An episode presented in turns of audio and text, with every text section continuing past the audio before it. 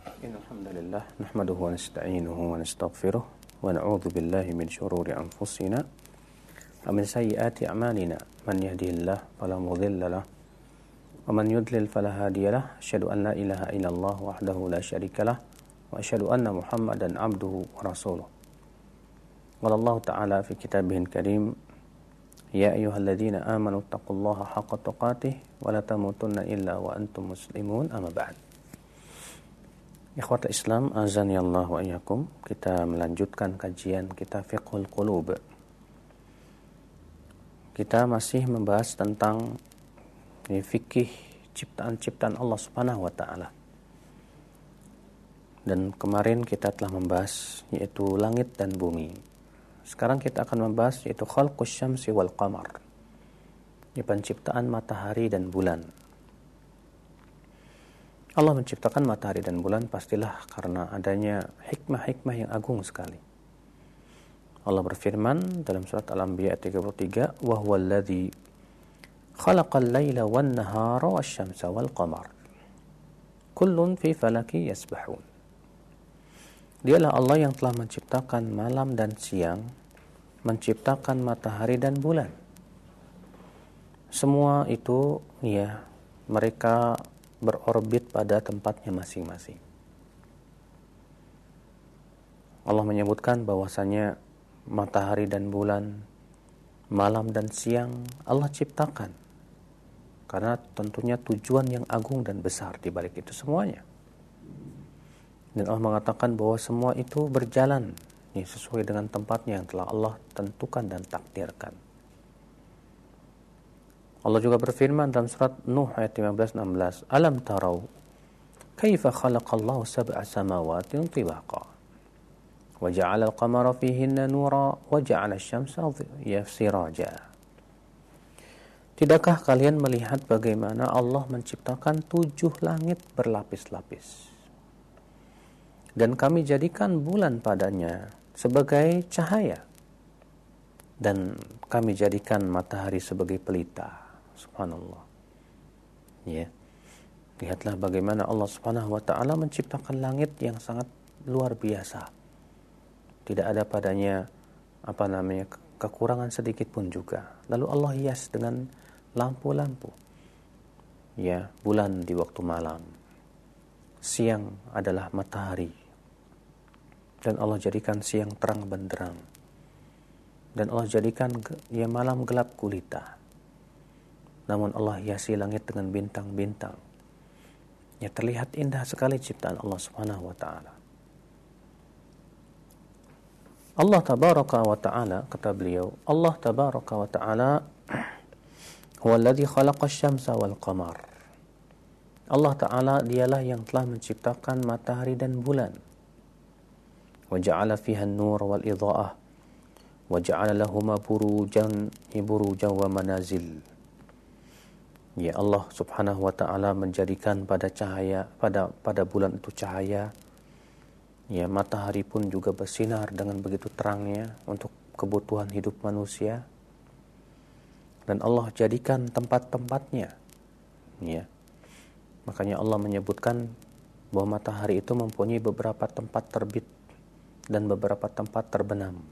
Allah mengatakan Rabbul Masyariqi wal pemilik masyarik masyarik jamak daripada masyrik ya artinya tempat munculnya matahari. Di situ Allah menyebutkan dengan ya e, bentuk jamak masyarik menunjukkan bahwasanya ya matahari itu telah Allah tentukan tempat-tempatnya.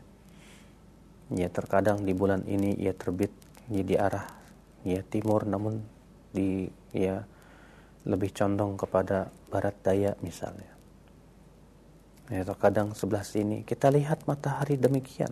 Bayangannya pun juga condongnya berbeda pada bulan-bulan tertentu. Semua itu Allah Subhanahu wa taala telah tentukan tentunya adanya hikmah-hikmah yang luar biasa di balik itu. Wa bidzalika ya'lamu an-nas hisab al-a'mar wa ajal ad-duyun wal.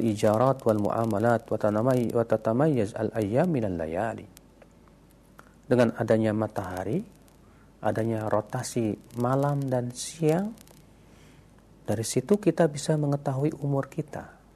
hari demi hari berjalan, bulan demi bulan, tahun demi tua, tahun, ya kita akan mengetahui umur kita sekian.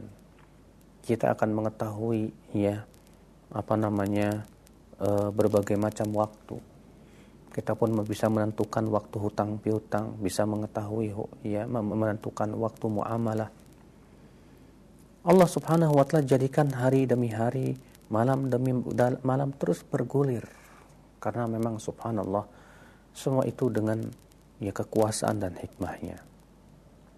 Walaula hululu syamsi wal qamar fi tilkal manazil lam yu'lam syai'un min dhalik Kalaulah bukan karena matahari dan bulan itu berputar dan berotasi seperti itu, ya, tentu tidak akan bisa diketahui tentang waktu-waktu tersebut. Allah berfirman, "Huwallazi ja'ala asy-syamsa dhiya'an wal qamara nura wa qaddarahu manazil lita'lamu 'adada as-sinina wal hisab." Ma khalaqa Allahu dzalika illa bil haqq. Yufassilu. Allah berfirman, dialah Allah yang telah menjadikan matahari sebagai pelita dan menjadikan bulan sebagai cahaya dan Allah telah menentukan tempat-tempatnya agar apa kata Allah agar kalian mengetahui jumlah tahun dan hisab Allah tidak menciptakan itu kecuali dengan kebenaran dan Allah Subhanahu wa taala perinci ayat-ayatnya bagi orang yang mengetahui. Subhanallah. Allah mengatakan bahwa itu semua bagi orang yang mengetahui. Artinya ya kita harus berilmu ya atau ya setidaknya kita tahu apa hikmah-hikmah di balik itu supaya kita semakin yakin ya akan kekuasaan Allah penciptanya. وقد قدر العزيز العليم طلوع الشمس والقمر وغروبهما لإقامة دولتي الليل والنهار Ya, Allah Subhanahu wa taala takdirkan adanya matahari terbit dan terbenam. Ya, demikian pula ketika terbenam matahari munculnya bulan. Demikian ketika matahari hendak terbit bulan pun hilang. Supaya Allah tegakkan badannya malam dan siang. Bayangkan akhi kalau ternyata ya malam itu terus menerus. Dan apabila siang itu terus menerus bagaimana rasanya? Ya. Allah mengatakan waja'alna al-laila wan nahara ayatain. Dan kami jadikan malam dan siang itu dua tanda kebesaran Allah Subhanahu wa taala. Famahawna ayatal laili waja'alna ayatan nahari mubsirah lalu kamu hapus, kami hapus, kata Allah, ya tanda malam, lalu kami jadikan tanda siang, yang menjadi terang benderang.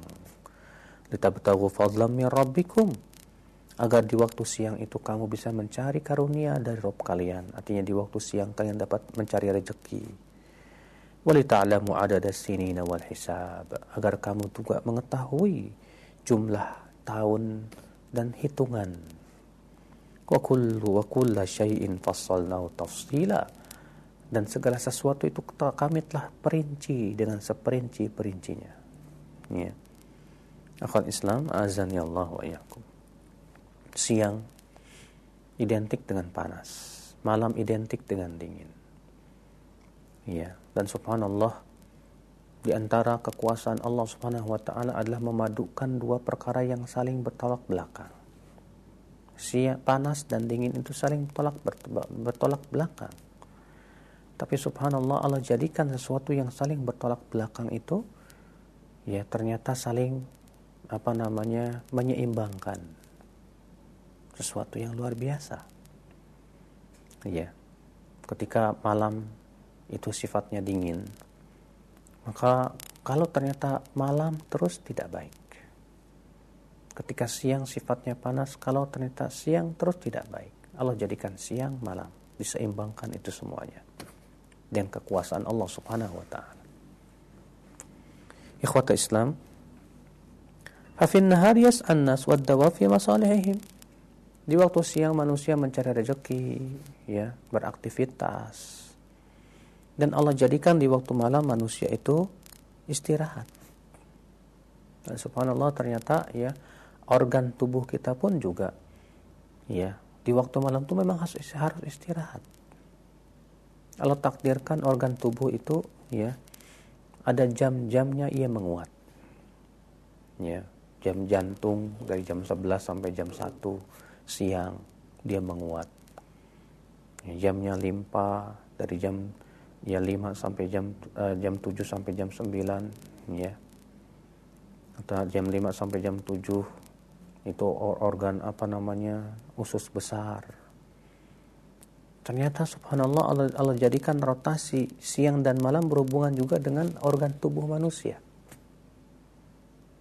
ya ketika manusia itu beraktivitas sesuai dengan jam organnya ya di waktu siang dia beraktivitas mencari rezeki dan yang lainnya di waktu malam dia memang istirahat betul-betul ia gunakan malam istirahat insya Allah sehat tapi ketika ketika manusia itu berbeda, di waktu siang dia istirahat, di waktu malam dia bekerja dan beraktivitas, pasti akan menimbulkan berbagai macam penyakit. Kenapa? Karena Allah memang telah memberikan peraturan kepada tubuh manusia bahwa di waktu malam dia harus istirahat. Di waktu siang dia harus ya dia dia bekerja, dia beraktivitas dan Allah Subhanahu wa taala jadikan batasan-batasan semuanya. Ya di waktu malam Allah Subhanahu wa taala ya memberikan batasan-batasan ya bagaimana kita di waktu malam tidur. Ya, ternyata Allah juga menyuruh supaya di waktu malam kita semua banyak bertahajud dan ber, bertakarub kepada Allah. Ya, karena itu waktu yang sangat pas. Allah mengatakan inna nasyi'atal laili hi asyaddu wat'a wa aqwamu qila sesungguhnya nasyiatal lail ibadah di waktu malam itu lebih apa lebih mengokohkan hati lebih berkesan di hati wa aqwamu qila dan itu sebaik-baiknya ibadah subhanallah ya akhal islam azan ya Allah wa yakum walal ghurub lakanatil ardu yatuhma bidawami syuruki samsi kalau bukan karena matahari itu tenggelam ini bumi, bumi bakalan panas. Karena di dalam bumi itu sendiri sudah ada api. Ya, magma yang sangat panas sekali di dalam bumi itu. Ya, untuk memberikan apa? Ya, panas pada bumi. Dan untuk menyeimbangkan panas magma yang sangat-sangat panas di dalam bumi ini, Allah jadikan air laut. Dan ternyata air laut itu lebih luas dibandingkan dengan daratannya di muka bumi ini. Ya, Gunanya untuk apa? Menyeimbangkan antara panas dan dingin. Sebab kalau dalam bumi ini tidak ada magmanya, ya dia akan menjadi dingin sekali. Ya, maka Allah ciptakan magma yang ada di dalam bumi ini untuk memanasi bumi. Ya. Tapi supaya tidak terlupan, tidak terbakar habis, Allah jadikan lautan lebih luas daripada daratan, menyeimbangkan. Lalu Allah ciptakan matahari di waktu siang dengan dengan sinarnya. Ya. Kalau ternyata sinarnya berlebih, akibatnya apa ya? Akhir terbakar juga. Maka Allah takdirkan matahari itu terbenam. Lalu datanglah malam menyeimbangkan. Subhanallah, luar biasa ciptaan Allah Subhanahu wa taala itu yang akan Islam. Azan ya Allah wa iyyakum. Fasarat ya'murul azizul hakim tatlu'u waqtan bimansilati siraj yarfa'u li ahli bait Sehingga ya matahari itu dengan perintah Allah Subhanahu wa taala bagaikan apa? Ya, pelita. Ya, yang dibutuhkan oleh manusia Pernah suatu ketika Rasulullah SAW dalam hadis riwayat Muslim ya, dalam sahihnya Rasulullah SAW bersabda kepada para sahabat, "Atadruna ila aina tajri hadhihi syams?" Tahukah kalian ke mana larinya matahari ini?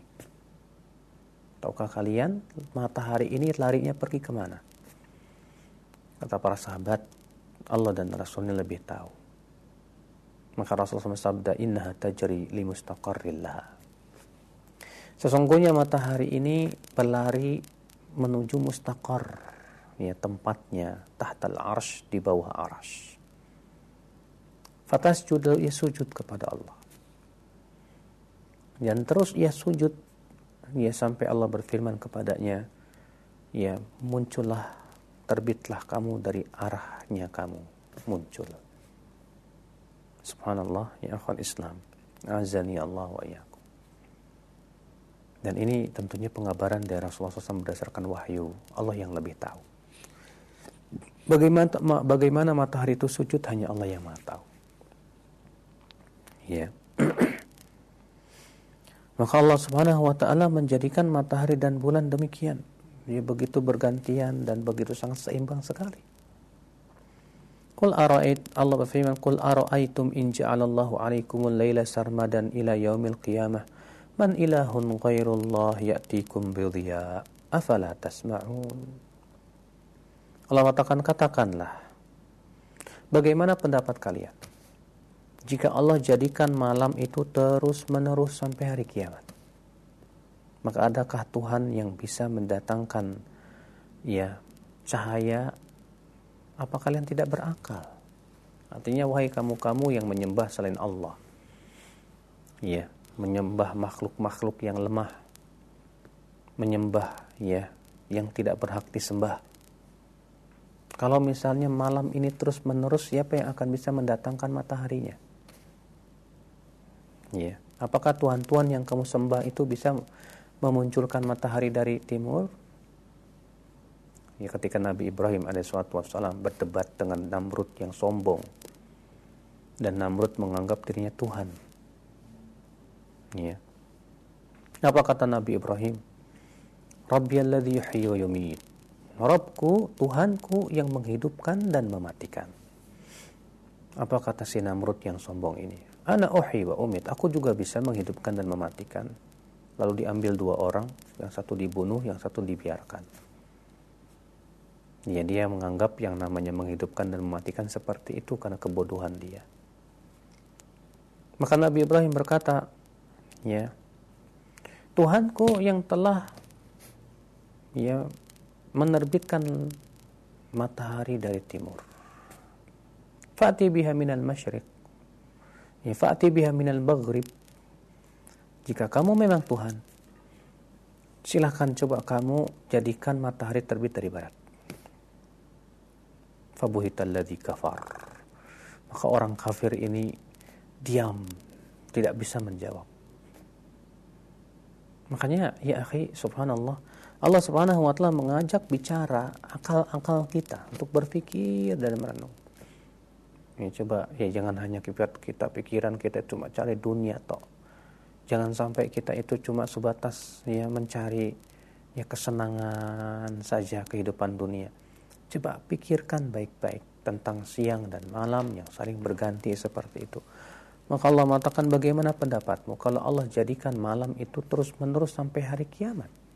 Maka adakah Tuhan yang bisa mendatangkan ya cahaya? Afala tasma'un apa kalian tidak mendengar itu? Allah juga berfirman setelah itu. Ya. Qul ara'aytum in ja'alallahu 'alaikumun nahara sarmadan ila yaumil qiyamah Man ilahun ghairullah ya'tikum bilailin taskununa fih. Afala tubsirun. Katakan, bagaimana pendapatmu kalau Allah jadikan siang itu terus menerus sampai hari kiamat? Maka adakah Tuhan selain Allah yang bisa mendatangkan malam yang kalian di waktu malam beristirahat di situ? Ya, afala tubsirun, apa kalian tidak melihat itu? Ya mikir dong ya dengan akal pikiran yang sehat agar kamu tahu siapa Tuhan sebenarnya yang menciptakan matahari dan bulan yang menciptakan siang dan malam. Hanya orang-orang yang cerdas dan berpikir saja yang bisa mengetahui kebenaran. Adapun orang yang mengikuti hawa nafsu dia tidak akan bisa melihat kebenaran. Kata beliau, wa fi harakati syamsi al-laila wan nahar. Dalam pergerakan matahari itu Allah per, ya Allah tampakkan siang dan malam. Wa fi irtifa'iha wa inkhifadhiha yudhirullahu bi qudratil azminah wal fusul al-arba'ah. Demikian pula ya letak matahari jauh dan dekatnya. Allah Subhanahu wa taala tampakkan di situ ya musim-musim. Ada musim panas, ada musim dingin, ada musim gugur, ada musim kering. Sementara di sebagian negara hanya dua musim saja kayak di negeri kita kita ini. Ya, musim kemarau dan musim hujan. Ya, semua itu dengan kekuasaannya. Ikhwata Islam azan ya Allah wa yakum. Falau kana saifan kullu lafatat manafi'u syita. Kalau ternyata bayangkan kalau musim panas terus menerus. Tidak ada musim dinginnya. Bagaimana jadinya ya akhi? Atau musim dingin terus tidak ada musim panasnya. Allah pergantikan musim demi musim itu subhanallah luar biasa sekali. Ikhwata Islam azan ya Allah wa iyakum. Ya. Nah itulah ya akhi. Fatabarakallahu ahsanul khaliqin. Maha berkah Allah sebaik-baiknya pencipta. Ya Allah mengatakan wa huwa alladhi ja'ala al-laila wan nahar khilfah liman arada ay yadhakkar au au au arada syukura. Dialah Allah yang telah menjadi, menjadikan malam dan siang silih berganti.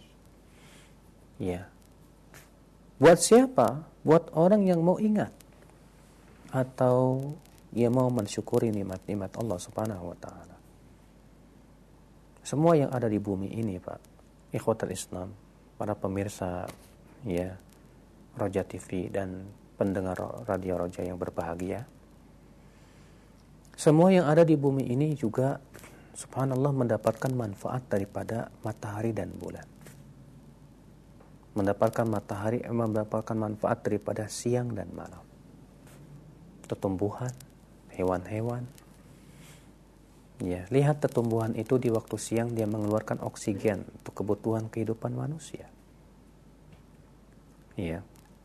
Lihat tumbuhan itu di waktu malam mengeluarkan CO2. Ya Lihat ya ikan-ikan, binatang-binatang di waktu siang mereka berburu. Di waktu malam mereka beristirahat. Dan Allah jadikan sebagian binatang tidak beristirahat. Ya, semua itu dengan hikmahnya. Makanya subhanallah ya akhun Islam. Ya, cahaya matahari sangat dibutuhkan oleh dedaunan. Dedaunan menyerap cahaya matahari itu. Ya.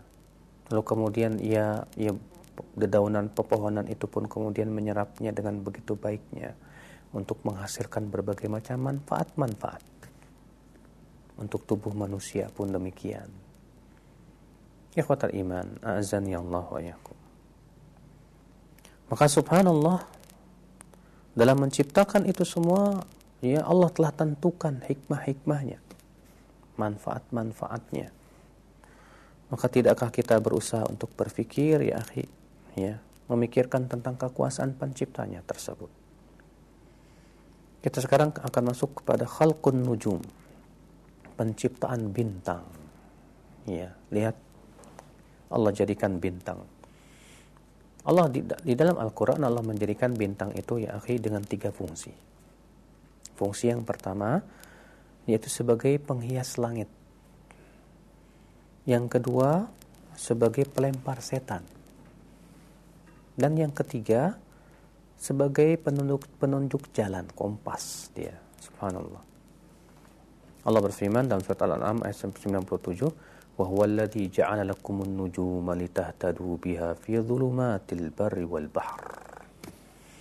Dialah Allah yang telah menjadikan nujum bintang-bintang agar kamu bisa mendapatkan petunjuk di waktu gelapnya apa ya daratan dan lautan Allahu Akbar.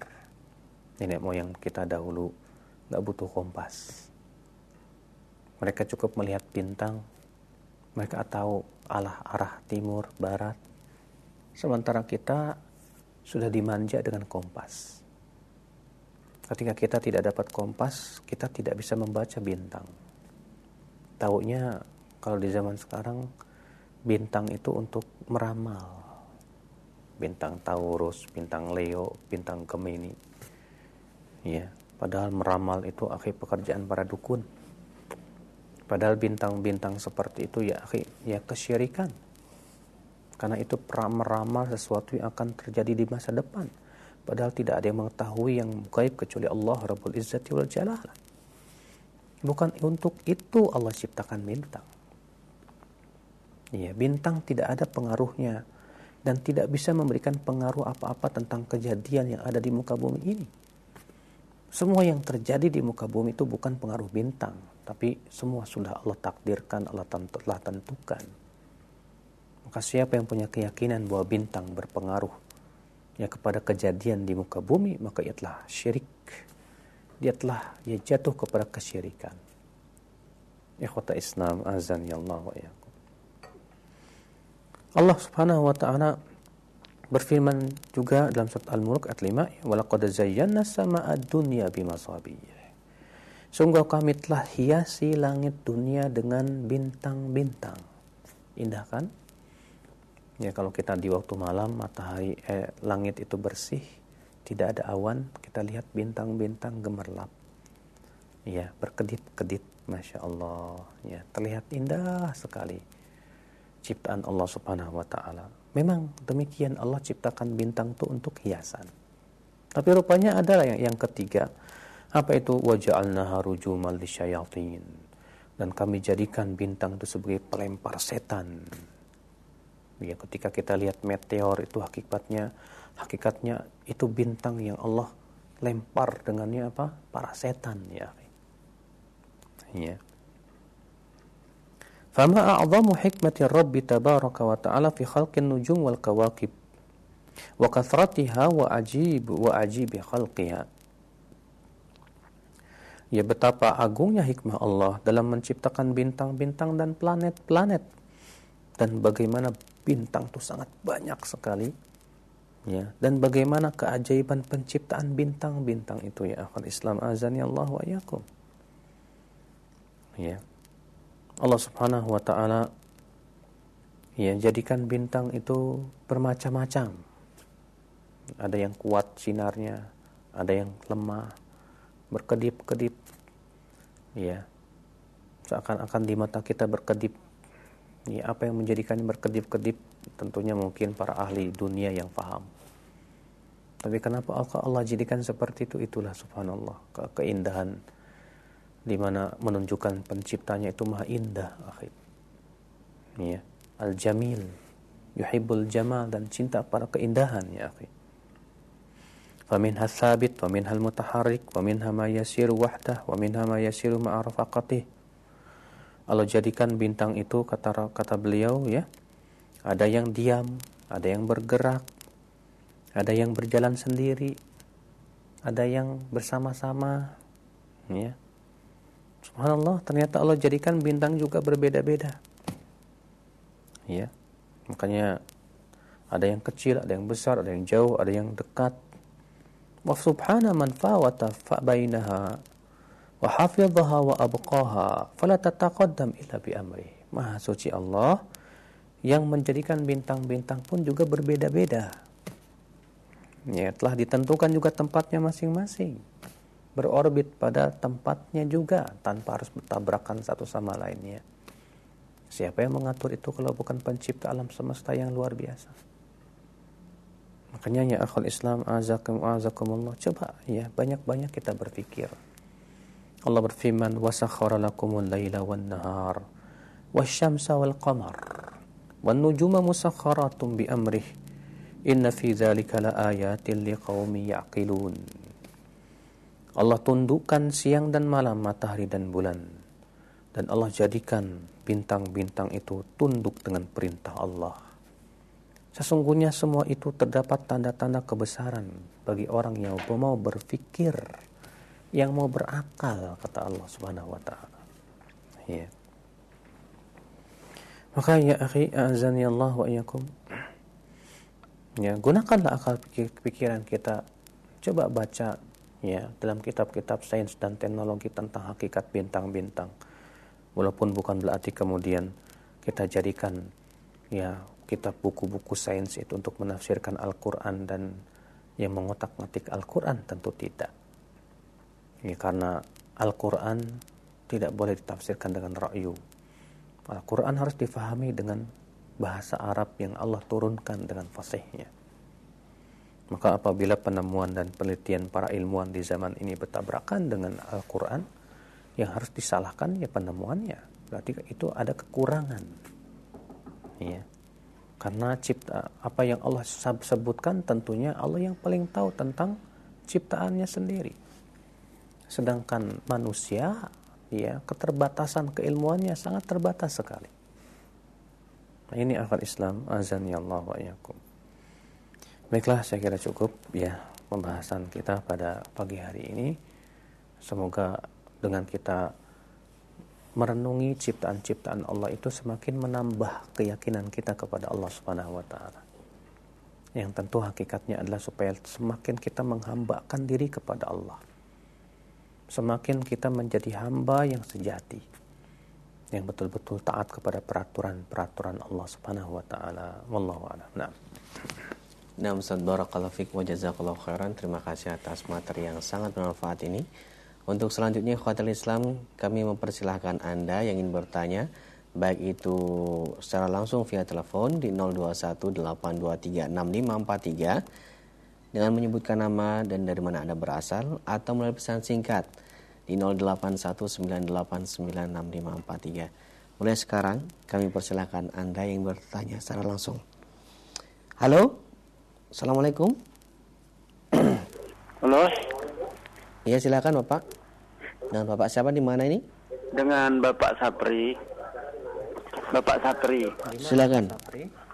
Dari Bangka Belitung. Oh, Masya Allah. Masya Allah. Uh, begini, mau tanya Pak Ustadz. Silakan Bapak. Uh, kalau kita mengikuti kajian di televisi atau di radio. Hmm. Nah, ap apakah ini termasuk belajar? Hmm. Atau bisa kita ikuti kajian-kajiannya, misalkan di situ uh, disebutkan uh, ada larangan-larangan dari Allah. Hmm atau perintah-perintah Nah, Baik. Apa, langsung apa bisa langsung kita ikuti gitu. Baik, Bapak. Terima kasih Bapak atas pertanyaannya ditunggu jawabannya. Dengan, dengan uh, jarak jauh seperti ini, Ustaz. Terima kasih. Ya, Assalamualaikum warahmatullahi wabarakatuh. Uh, ketahuilah Bapak, ya. Ada beberapa perkara yang hendaknya kita ketahui. Yang pertama, para ahli ahli usul fikih mengatakan bahwa masalah-masalah duniawiyah pada asalnya mubah saja. Ya, berbeda dengan masalah agama pada asalnya tidak boleh sampai ada perintah. Sedangkan masalah dunia pada asalnya mubah dan halal. Ini yang harus kita ketahui yang pertama. Yang kedua, sesuatu yang sifatnya mubah ya berbeda hukumnya sesuai dengan tujuannya. Apabila yang mubah itu jadikan wasilah untuk kebaikan, maka itu menjadi sesuatu yang baik dan bagus, masya Allah. Yang ketiga, sesuatu yang Rasul yang tidak ada di zaman Rasulullah karena tidak ketidakmampuan Rasulullah. Ya. Dan Rasulullah SAW tidak lakukan karena memang di zaman itu tidak ada Berarti Rasulullah laku, tidak lakukan karena ada penghalangnya. Nah kemudian ketika sesuatu itu ada dan muncul setelah Rasulullah wafat dan itu memang manfaatnya besar.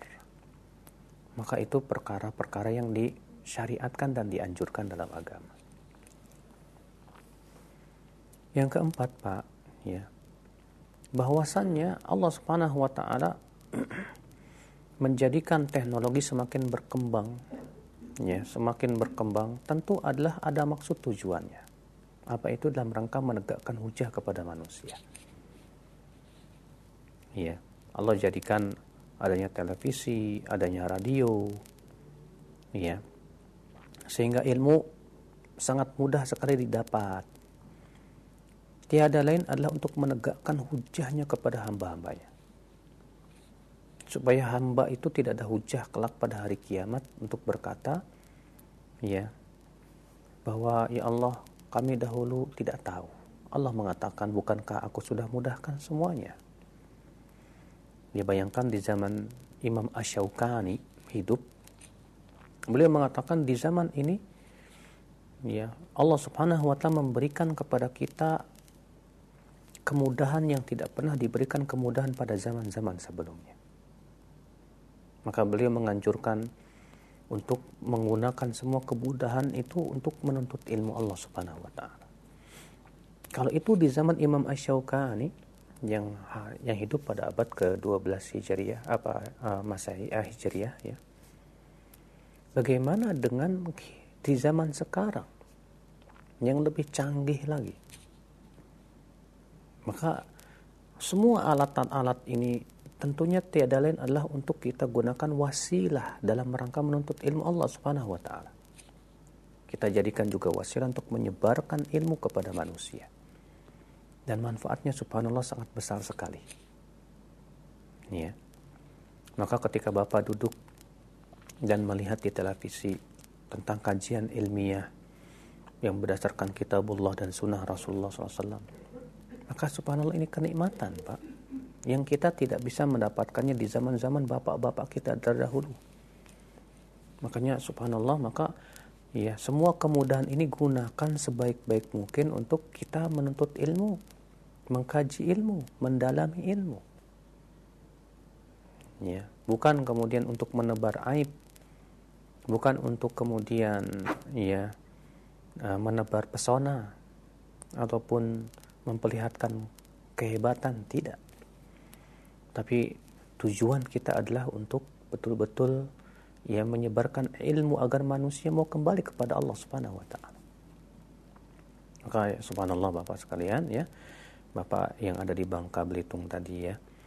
Ya, dengan adanya televisi, radio ini subhanallah Allah seakan ingin menegakkan hujah-hujah kepada hamba-hambanya. Ya. Sebab dengan seperti itulah ilmu semakin mudah untuk didapat ilmu semakin mudah untuk disebar ya sehingga agar manusia kembali kepada Allah Subhanahu wa taala wallahu a'lam. Nah. Terima kasih Ustaz atas jawabannya bagi Pak Sapri di Bangga Belitung dan kita semua yang menyimak di kesempatan pagi hari ini. Silakan kembali kami akan membuka line telepon di 0218236543. Halo. Halo, Assalamualaikum warahmatullahi wabarakatuh. Waalaikumsalam warahmatullahi wabarakatuh. Dengan Bapak siapa? Di mana? Dengan Adi di Papua, Merauke. Silahkan Adi. Ini Ustaz, saya ini kan seorang perantau. Merantau ke daerah Papua. Mhm. Di mana di sini kami dipertemukan dari berbagai suku dan saya perhatikan di sekeliling saya ini kebanyakan kerja dari pagi sampai malam. Iya. Hmm. Dan itu terus menerus berlanjut sampai lupa dengan Allah. Mm-mm. Masya Allah. Pertanyaan saya tentang batasan mengejar dunia itu sampai apa, Ustaz? Baik, Bapak. Terima kasih. Lalu berkali-kali Anda sangat yakin bahwa dunia sangat melelahkan. Ya. Namun Sahih. tidak jarang masih masih mendahulukan dunia dibanding akhirat. Bagaimana caranya agar selalu mendahulukan Allah Subhanahu wa taala dibanding dunia? Iya. Terima kasih. Iya. Assalamualaikum warahmatullahi wabarakatuh. Waalaikumsalam warahmatullahi wabarakatuh. Pertanyaan yang sangat bagus sekali ya, yang berasal dari Papua, yang merenungi tentang hakikat kehidupan dunia. Subhanallah, Allah jadikan manusia hidup di dunia untuk sebuah tujuan yang agung sekali, yaitu merealisasikan ibadah. Allah berfirman, "Wa ma khalaqtul jinna wal insa illa liya'budun." Tidaklah aku ciptakan jin dan manusia kecuali agar mereka beribadah kepadaku. Maka berarti kita harus berusaha bagaimana hidup kita itu tak lepas dari ibadah. Karena itu adalah tujuan daripada penciptaan kehidupan manusia. Ya. Namun penting tentunya kita harus mengetahui Pak, apa sih ibadah itu? Apakah ibadah itu ya hanya identik dengan baca Quran, sholat, puasa? Tentu tidak. Ya kata Syekhul Islam bahwa yang namanya ibadah itu ismun jami'un likulli ma Allah wa yarda. Nama yang mencakup seluruh yang Allah cintai dan Allah ridai. Min al-aqwali wal af'al al-zahirah wal batinah. Berupa ucapan, berupa perbuatan yang tampak maupun yang tersembunyi. Ya, subhanallah. Nah, kalau kita mengetahui hakikat ibadah, berarti segala sesuatu yang Allah cintai itulah ibadah. Cuman kita harus tahu dari mana kita tahu bahwa itu dicintai oleh Allah Subhanahu wa taala. Tentu tidak mungkin dengan akal pikiran kita, tapi harus melalui wahyu. Ya, Allah menyampaikan wahyu kepada siapa? Kepada Rasulnya. Berarti kita harus mengetahui tentang segala yang Allah cintai itu dari Rasulnya. Karena tidak kita, akal kita tidak akan bisa berdiri sendiri untuk mengetahui itu. Ya. Maka ketika misalnya Allah Subhanahu wa taala memerintahkan kita untuk mencari nafkah, itu artinya Allah cinta. Ya. Maka kita coba cari, kita pelajari ilmunya, mana yang Allah cintai dan mana Allah yang tidak cintai. Ketika kita mencari dunia, yang kita pikirkan bagaimana merealisasikan ibadah dalam mencari dunia kita. Bagaimana caranya? Yang pertama, niatkan untuk mencari nafkah karena itu yang diperintahkan oleh Allah Subhanahu wa taala. Yang kedua, berusaha untuk mencari nafkah dalam perkara yang halal bukan yang haram. Sehingga kemudian perginya kita mencari nafkah bernilai ibadah di sisi Allah Subhanahu wa taala. Ya, bahkan berangkatnya kita dari rumah menuju tempat bekerja dan pulangnya kita semua bernilai pahala Kenapa? Karena niat-niat kita, masya Allah. Namun tentunya, ya, di sana ada Allah Subhanahu Wa Taala ciptakan waktu-waktu dan setia dan Allah jadikan waktu itu ada yang berkah. Allah jadikan ya waktu itu ada yang utama. Ya, Al Imam Ibnu Qudamah radhiyallahu rahimahullah dalam kitab beliau Mukhtasar Minhajul Qasidin yang membagi manusia kepada bagian-bagian. Ada ulama, ada ahli ibadah, ada para ya umara, ada para pekerja. Ya. Kata beliau ketika berbicara tentang masalah para pekerja, beliau mengatakan bahwa hendaknya ya orang-orang yang bekerja pun juga harus memaksimalkan waktu supaya semua bernilai ibadah. Ya di waktu pagi, setelah sholat subuh Allah jadikan ya malam untuk ibadah. Maka jangan lupa untuk sholat tahajud. Kemudian Allah jadikan waktu subuh ditegakkan padanya sholat subuh. Dan Rasulullah SAW menganjurkan umatnya untuk berzikir setelah sholat subuh sampai terbit matahari gunakan waktu itu untuk berzikir ya kemudian setelah matahari terbit kita segera bersiap-siap untuk beraktivitas, kemudian mencari nafkah. Kata para ulama, setelah matahari terbit agak tinggi, maka Allah pun membagi-bagikan rezekinya kepada hamba-hambanya. Makanya Rasulullah menganjurkan supaya kita memulai aktivitas kita di awal siang itu. Ya, ketika matahari telah terbit agak tinggi itu adalah awal siang. Rasulullah sabda Allahumma barik li ummati fi bukuriha Ya Allah berkahi untuk umatku di awal siangnya itu. Ya. Maka itu waktu yang paling tepat untuk mencari nafkah. Segera kita mencari nafkah, pergi ya ke tempat bekerja dengan niat untuk mencari nafkah. Dan kita sudah pastikan bahwa ini perkara yang halal. Ya. Ketika kita bekerja, bagaimana kita bekerja seprofesional mungkin? Ya. Kenapa? Karena itu adalah ihsan dalam bekerja Kenapa? Karena Rasulullah SAW Inna Allah katabal ihsan ala kulli syait. Sesungguhnya Allah mewajibkan perbuatan ihsan dalam segala sesuatu. Berarti kita wajib berbuat ihsan ketika bekerja di tempat kerja kita. Apa itu ihsan dalam bekerja? Artinya profesional.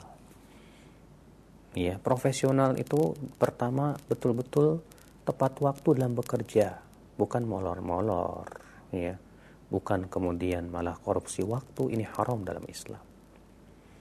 Yang kedua, bekerja dengan ya, betul-betul dengan kemampuan dan skill. Ya. Tidak malas-malasan, berleha-leha. Ya. Tapi ia betul-betul melaksanakan tugas dan amanah yang telah dibebankan oleh kantornya atau tempat bekerjanya di situ dengan penuh ya profesional. Itu ihsan. Nah, ketika kita lakukan itu kita dapat pahala besar di sisi Allah Subhanahu wa taala. Ya.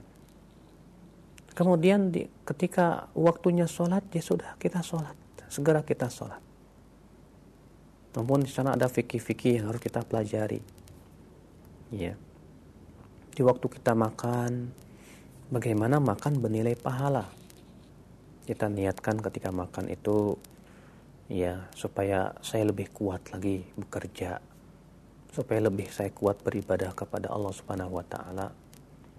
Ya dengan niat itu insya Allah subhanallah menjadi apa? Ibadah lagi. Kemudian kita perhatikan sunnah-sunnah dalam makan dan kewajibannya. Harus dengan tangan kanan ya membaca bismillah disunahkan dengan tiga jari ya. Disunahkan dengan jari jemari kalau makan. Kecuali kalau memang pakai sayur mungkin pakai jari susah, dan sulit pakai sendok nggak masalah. Kemudian ya setelah makan ya kita mengucapkan alhamdulillah. Sehingga subhanallah ya apa yang terjadi? Makannya kita saja bernilai pahala Kata Rasulullah siapa yang setelah makan mengucapkan alhamdulillahilladzi at'amana at'amani hadha at-ta'am wa razaqani min ghairi haulin minni wala quwwah. Segala puji bagi Allah yang telah memberikan aku makan makanan ini. Iya, dan memberikan rezeki makanan ini kepadaku dengan tanpa daya dan upaya dari diriku. Artinya semua itu dengan izin Allah. Maka siapa yang mengucapkan itu setelah makan, Allah akan ampuni dosa-dosanya yang telah lalu. Masya Allah, perut kenyang, dosa pun ya luruh dengan makan. Kenapa? Karena kita mengikuti perintah Allah dalam makan kita. Ya. Pulang kantor, di sana ada apa? Ya hak yang lain. Kata Rasulullah SAW, "Idza qadaytum qadaytum ya al-hajah ya falyarji ila ahli." Maka apabila kalian sudah selesai dari keperluan kalian, segera pulang ke istrinya, pulang ke rumahnya. Jangan ya setelah habis kerja main ke sana, main kemari, jangan. Ada hak yang lain di sana. Siapa istri kita dan anak kita? Kata Rasulullah SAW apa? Inna li rabbika alika haqqa. Wali jasadika alika haqqa. Wali zawjika alika haqqa. Fa'ati kulla dhi haqqin haqqa. Ketahuilah, kata Rasulullah, Tuhanmu, Robmu punya hak atas dirimu. Tubuhmu, jasadmu punya hak atas dirimu. Dan istri dan anakmu pun punya hak atas dirimu. Maka berikan hak itu masing-masing. Penuhi hak itu semuanya. Iya. Badan kita punya hak untuk istirahat, istirahatlah. Di waktu istirahat, istirahat, jangan beraktivitas Sebab kalau tidak demikian kita zalim kepada badan kita. Iya. Pulang dari kantor, kemudian kita ya bercengkerama dengan anak, dengan istri, mendidik anak. Ya, bila kita punya anak, ya mendidik istri bila kita punya istri, bila masih jomblo, belum nggak punya belum punya istri, punya anak, ya kita gunakan untuk hal-hal yang bermanfaat yang lainnya. Ya, terutama di waktu sore itu waktu yang sangat utama sekali untuk berzikir kepada Allah ya sampai terbenam matahari. Ya setelah itu pada maghrib sampai isya kalau ada di, di, di sana ada majlis taklim duduklah mengkaji ilmu-ilmu. Ya. Sehingga pada waktu itu hidup kita tidak lepas dari ibadah. Ya kita berpindah dari ibadah menuju ibadah. Sebagaimana Allah mengatakan fa idza faragta fansab. Apabila kamu telah selesai dari satu ibadah ya maka berdirilah menuju ibadah yang lain. Artinya ya setelah kita selesai dari suatu ibadah ibadah lagi terus. Ya kita sholat tahajud kemudian tidur ngikutin sunnah ibadah. Ya sholat subuh ibadah. Dikir pagi petang ibadah. Bersiap-siap menuju pekerjaan karena niat untuk mencari nafkah buat anak dan istri ibadah. Pergi ke kantor ibadah selama di kantor profesional dan bekerja sungguh-sungguh ibadah. Kemudian makannya pun jadi ibadah. Pulang demikian selalu kita berada dalam ibadah. Masya Allah apabila memang niat kita betul-betul ikhlas lillah pekerjaan yang berat itu insya Allah terasa renang apa terasa ter, ter, terasa apa? Ya ringan biidnillah ya nah inilah ya akal Islam memang penat dunia itu. Tapi kalau diniatkan karena Allah hati pun akan akan bergembira insya Allah karena keikhlasan itu memberikan kekuatan yang dahsyat pada hati seorang hamba ya ya Allah nah terima kasih Ustaz atas jawabannya untuk saudara Adi di Papua Merauke yang bertanya. Silakan di belakang saudara Adi, kami persilahkan telepon yang ketiga. Halo. Silakan. Halo. Ya, halo. Assalamualaikum. Kita angkat uh, pertanyaan dari pesan singkat Ustaz yang telah masuk. Ustadz sekarang ini kita sering melihat di media sosial bahwa bumi itu datar bukan bulat. Jika bulat kan tidak sesuai dengan Al-Quran karena bumi itu dihamparkan. Bagaimana seharusnya pandangan kita mengenai hal ini Ustaz? Dari Abdullah di Jakarta silakan. Iya tentunya pertama sudah sudah sering kita bahas sebetulnya di ya di kajian ini bahwa para ulama berbeda pendapat. Sebagian mengatakan bumi itu bulat seperti itu pendapat Syekhul Islam Taimiyah. Beliau berkata dalam kitab Risalatul Arsh Al-ardu korawiyatun bil ijma. Bumi itu bulat ya dengan menurut ijma. Sementara sebagian ulama berpendapat ya dalil mereka apa yang mengatakan bumi bulat itu firman Allah. Yukawwirul laila 'alan nahar wa yukawwirun nahar 'alal lail. Allah putar siang ke malam dan siang malam ke, ke, ke apa ke siang dengan lafaz yukawwir putar. Ya. Sementara sebagian ulama berpendapat bumi datar karena ayat dalil dengan firman Allah bahwa bumi itu ya dihamparkan. Namun yang perlu kita pahami bahwa ya membahas terlalu dalam masalah ini tidak ada manfaatnya. Masih terlalu banyak ilmu-ilmu yang lebih bermanfaat kita pelajari, ilmu tauhid. Ya, akidah kita sudah lurus apa belum? Sudahkah kita mentauhidkan Allah dengan benar-benar tauhid? Kemudian juga ya kita membahas apa sholat, zakat, puasa sudah belum kita bahas.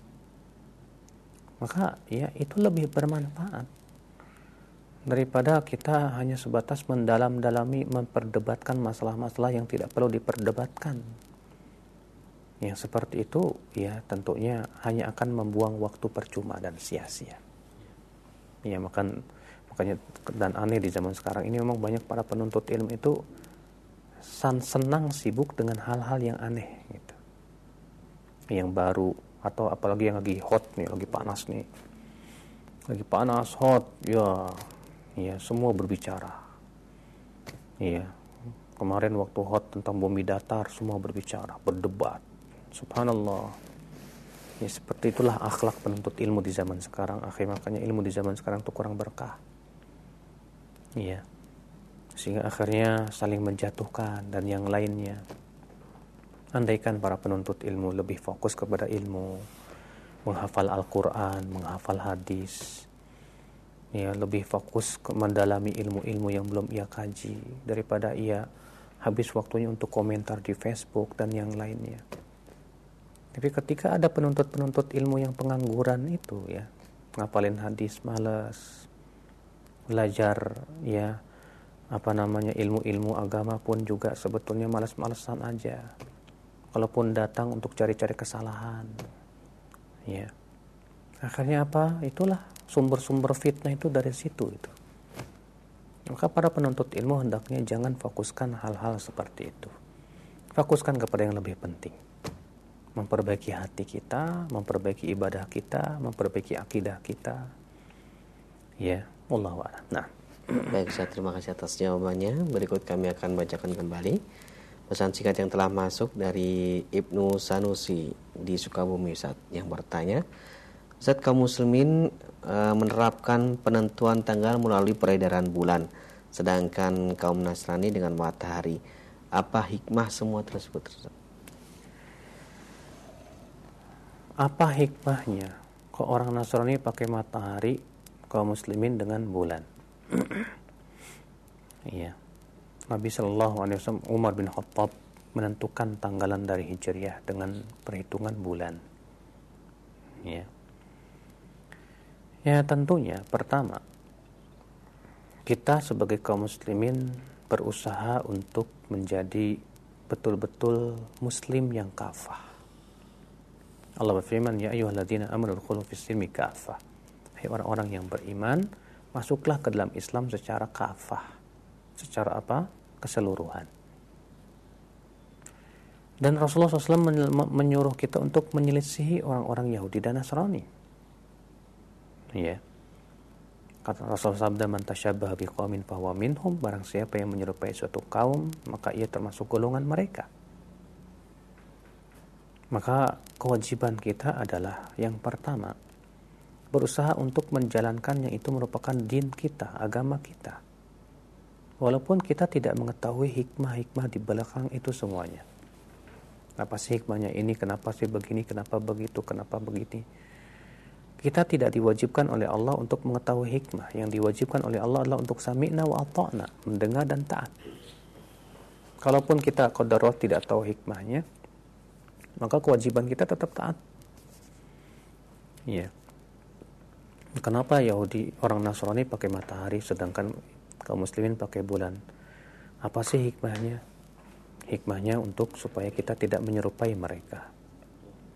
Iya ada hikmah yang lainnya? Wallahu alam. Yang jelas ya apa yang telah itu menjadi ajaran kita agama kita taatilah.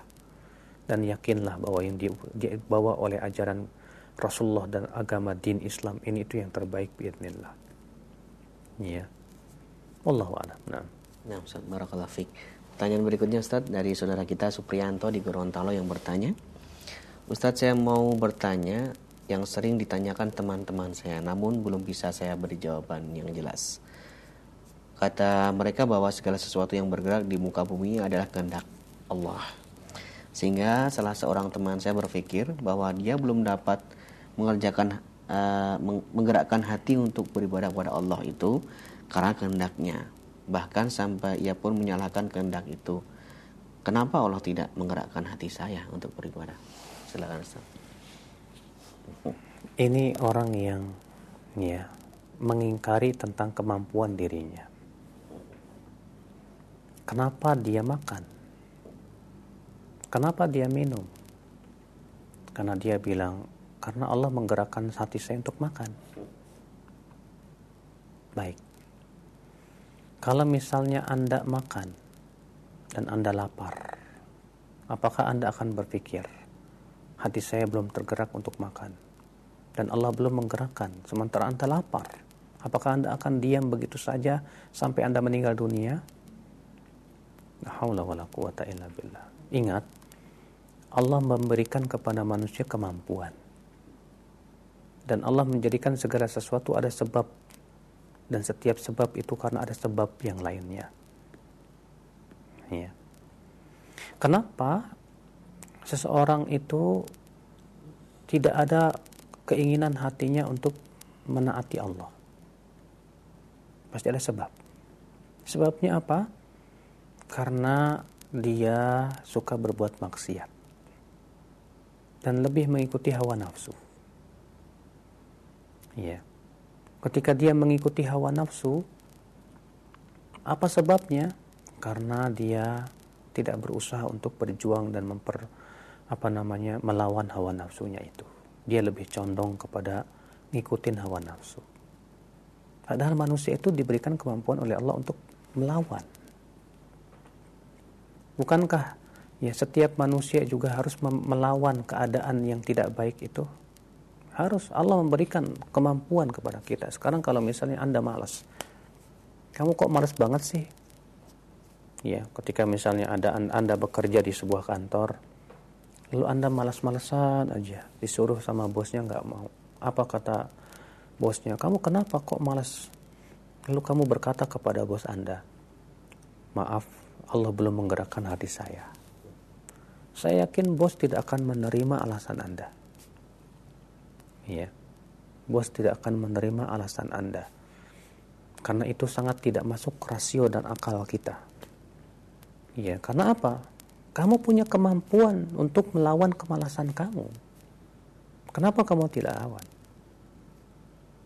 Ketika Anda ya melampaui apa namanya uh, lampu merah. Lalu pak, pak, pak polisi memanggil, kamu kenapa menerobos lampu merah? Lalu anda berkata, Allah yang menggerakkan hati saya, ya untuk menerobos ini. Apakah anda kira pak polisi akan menerima alasan seperti itu? Ya? Baik, kalau misalnya ada orang yang memukul anda, pus, Lalu Anda bertanya kepada, kenapa Anda pukul saya? Dia berkata, Allah yang menggerakkan hati saya untuk memukul Anda. Ya, jadi Anda ridho saja dengan takdir ini. Apakah Anda akan terima? Saya yakin Anda tidak akan menerima itu. Ya. Kalau ada pencuri datang, lalu dia mencuri barang, lalu memperkosa istrimu, ya dan membunuh anakmu. Kemudian kamu berkata kamu hai pencuri ya kurang ajar kamu. Apa kata pencuri? Allah yang menggerakkan hati saya untuk ini. Jadi saya tidak salah. La haula wala quwata illa billah kalau seperti itu alasannya hancurlah dunia ini ya akal Islam hancur semua peraturan-peraturan ya ketika Pak polisi mau menangkap si pencuri Si pencuri berkata, Wahai Pak Polisi, ini kan Allah yang menggerakkan hati saya. Nih, jadi saya tidak salah dong. Saya nggak perlu di ya diberikan sanksi. Polisi mana yang akan menerima alasan seperti itu? Kalau seperti itu, semua peraturan jadi tidak benar, nggak beres semuanya, hancur dunia. Ya, hanya karena alasan katanya Allah belum menggerakkan. Kita katakan us apa Allah Allah berfirman Allah la yughayyiru ma biqaumin hatta yughayyiru ma bi anfusihim. Allah tidak akan merubah suatu kaum sampai dia merubah dirinya sendiri. Artinya harus ada usaha dari kita. Kalau kita ingin dapat hidayah harus usaha dong cari hidayah. Iya, jangan Anda berkata Allah belum menggerakkan hati saya untuk cari hidayah. Ini hanya adalah hujah syaitaniyah. Ya hujah syaitan untuk menggembosi kita dari ketaatan. Ya. Maka subhanallah orang-orang seperti ini ya kasihan sekali. Kalau dibiarkan akan begitu terus ya dia akan terus ya apa namanya bergelimang dalam hawa nafsu dia dia akan terus ditipu oleh syaitan akhirnya semakin lemah semakin lemah semakin lemah keinginan dia untuk menaati Allah dan dia akan lebih condong kepada menaati syaitan dan hawa nafsunya. Sallallahu selamat wa ya Wallahu a'lam. Nah. Syukur Ustaz Barakallahu Fik. Terima kasih atas jawabannya. Kembali kami akan beralih ke telepon via telepon di 0218236543. Silahkan. Halo. Halo, Assalamualaikum. Silahkan Bapak, sudah masuk? Halo.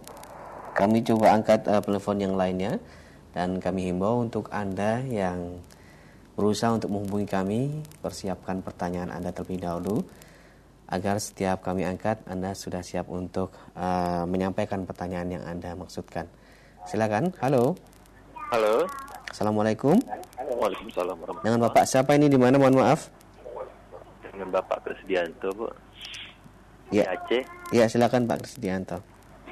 Uh -uh ini Pak mau tanya kan Pak gimana hukumnya uh, ada semut yang masuk ke rumah uh, tapi nampaknya mengganggu sekali lah karena banyak gimana hukumnya kalau kita membunuh semut tersebut Ustaz baik ya ya itu aja Ustaz ya ya. Assalamualaikum warahmatullahi wabarakatuh Waalaikumsalam warahmatullahi wabarakatuh ada sebuah riwayat Bapak ya ya insyaallah riwayat ini sahih dan disahihkan oleh Syekh Al-Bani rahimahullah Dahulu kata Rasulullah ada seorang nabi yang digigit oleh seekor semut. Lalu kemudian Nabi itu membunuh semut tersebut. Lalu mencari sarangnya, lalu sarangnya dibakar dan dibunuh semuanya. Lalu kemudian Allah mewahyukan kepada Nabi ini. Kenapa kamu tidak bunuh yang menggigitmu saja? Ya. Kenapa kamu bunuh yang lain? Maka hadis ini yang dikeluarkan oleh Imam At-Tabrani dan yang lainnya.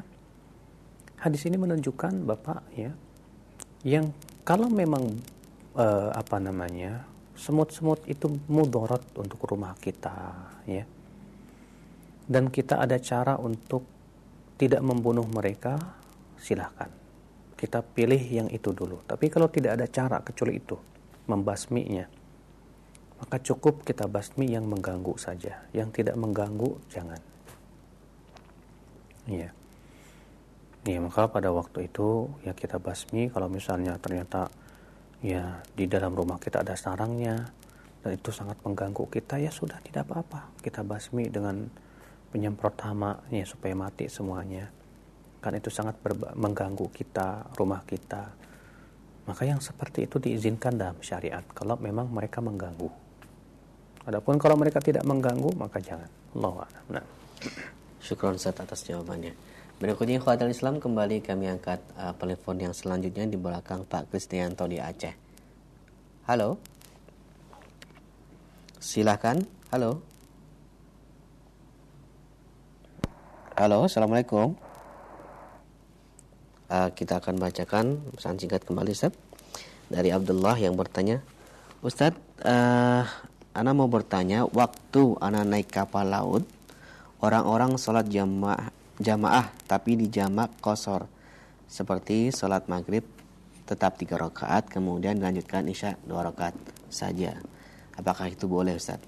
Ya memang demikianlah sunnahnya Rasulullah SAW dalam perjalanan dan ketika safar jadi ketika perjalanan Rasulullah SAW itu jamak kosor ya maka dari itu bahkan ya terjadi perselisihan para ulama tentang hukum mengkosor bagi musafir.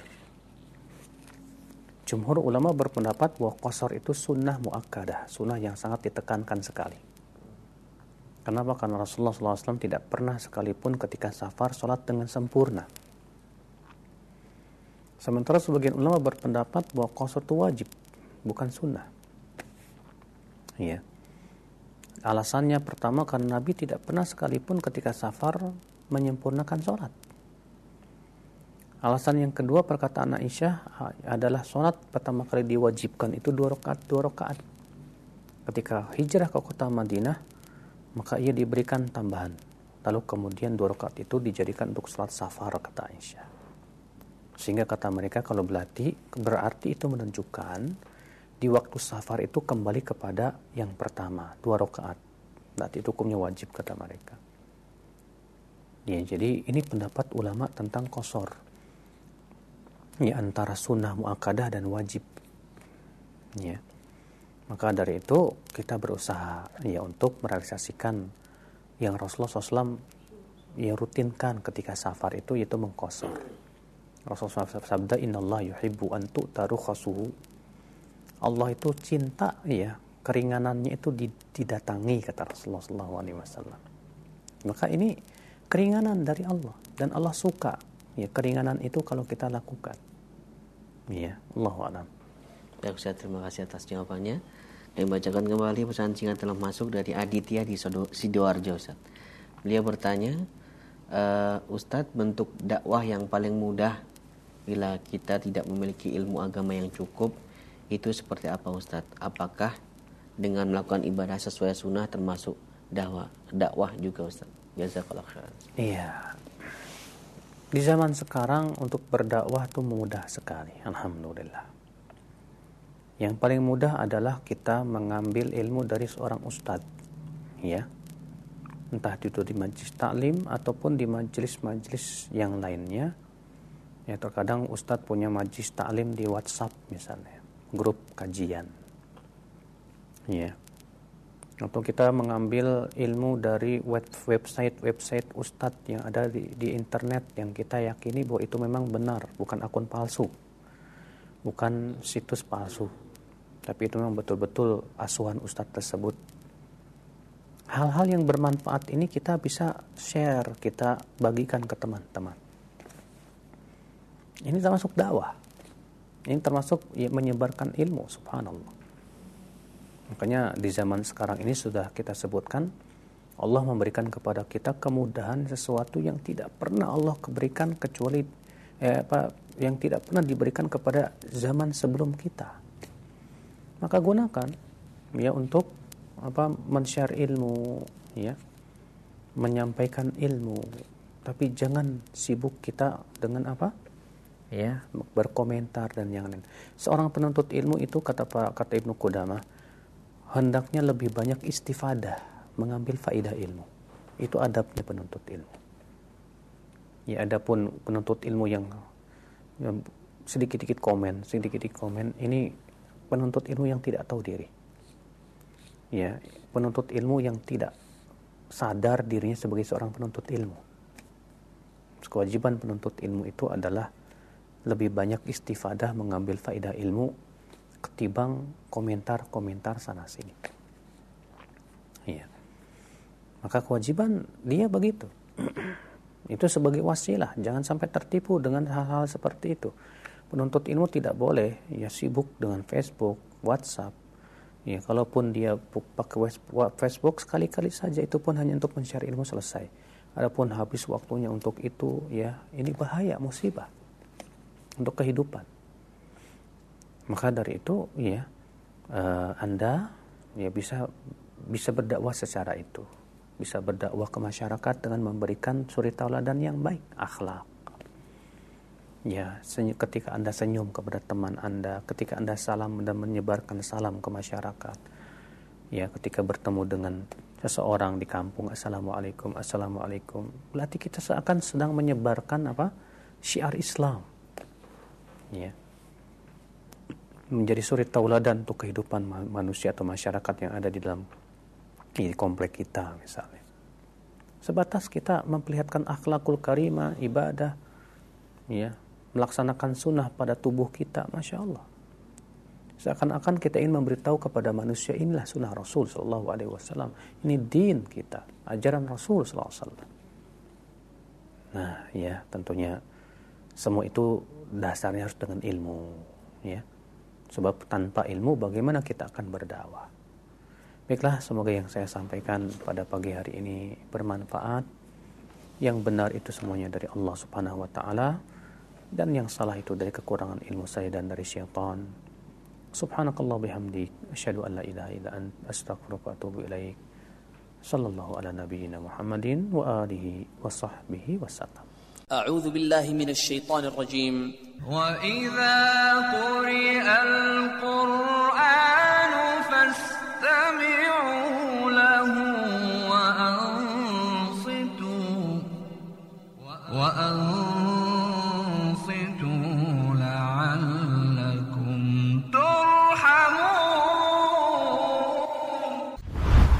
Radio Roja Majalengka 93,1 FM menebar cahaya sunnah.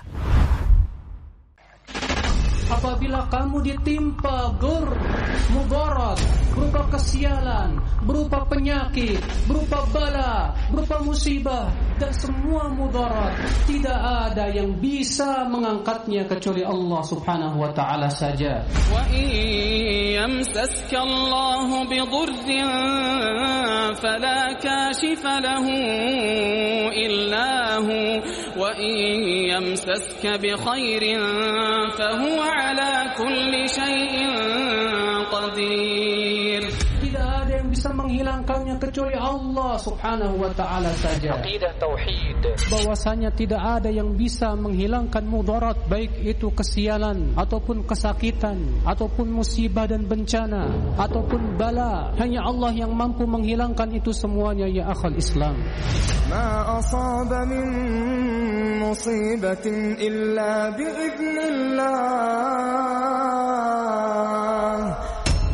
Di besar kesyirikan ya akal Islam ketika seseorang meminta perlindungan kepada selain Allah atau menjadikan sesuatu untuk melindungi diri mereka dari bala yang akan menimpa mereka.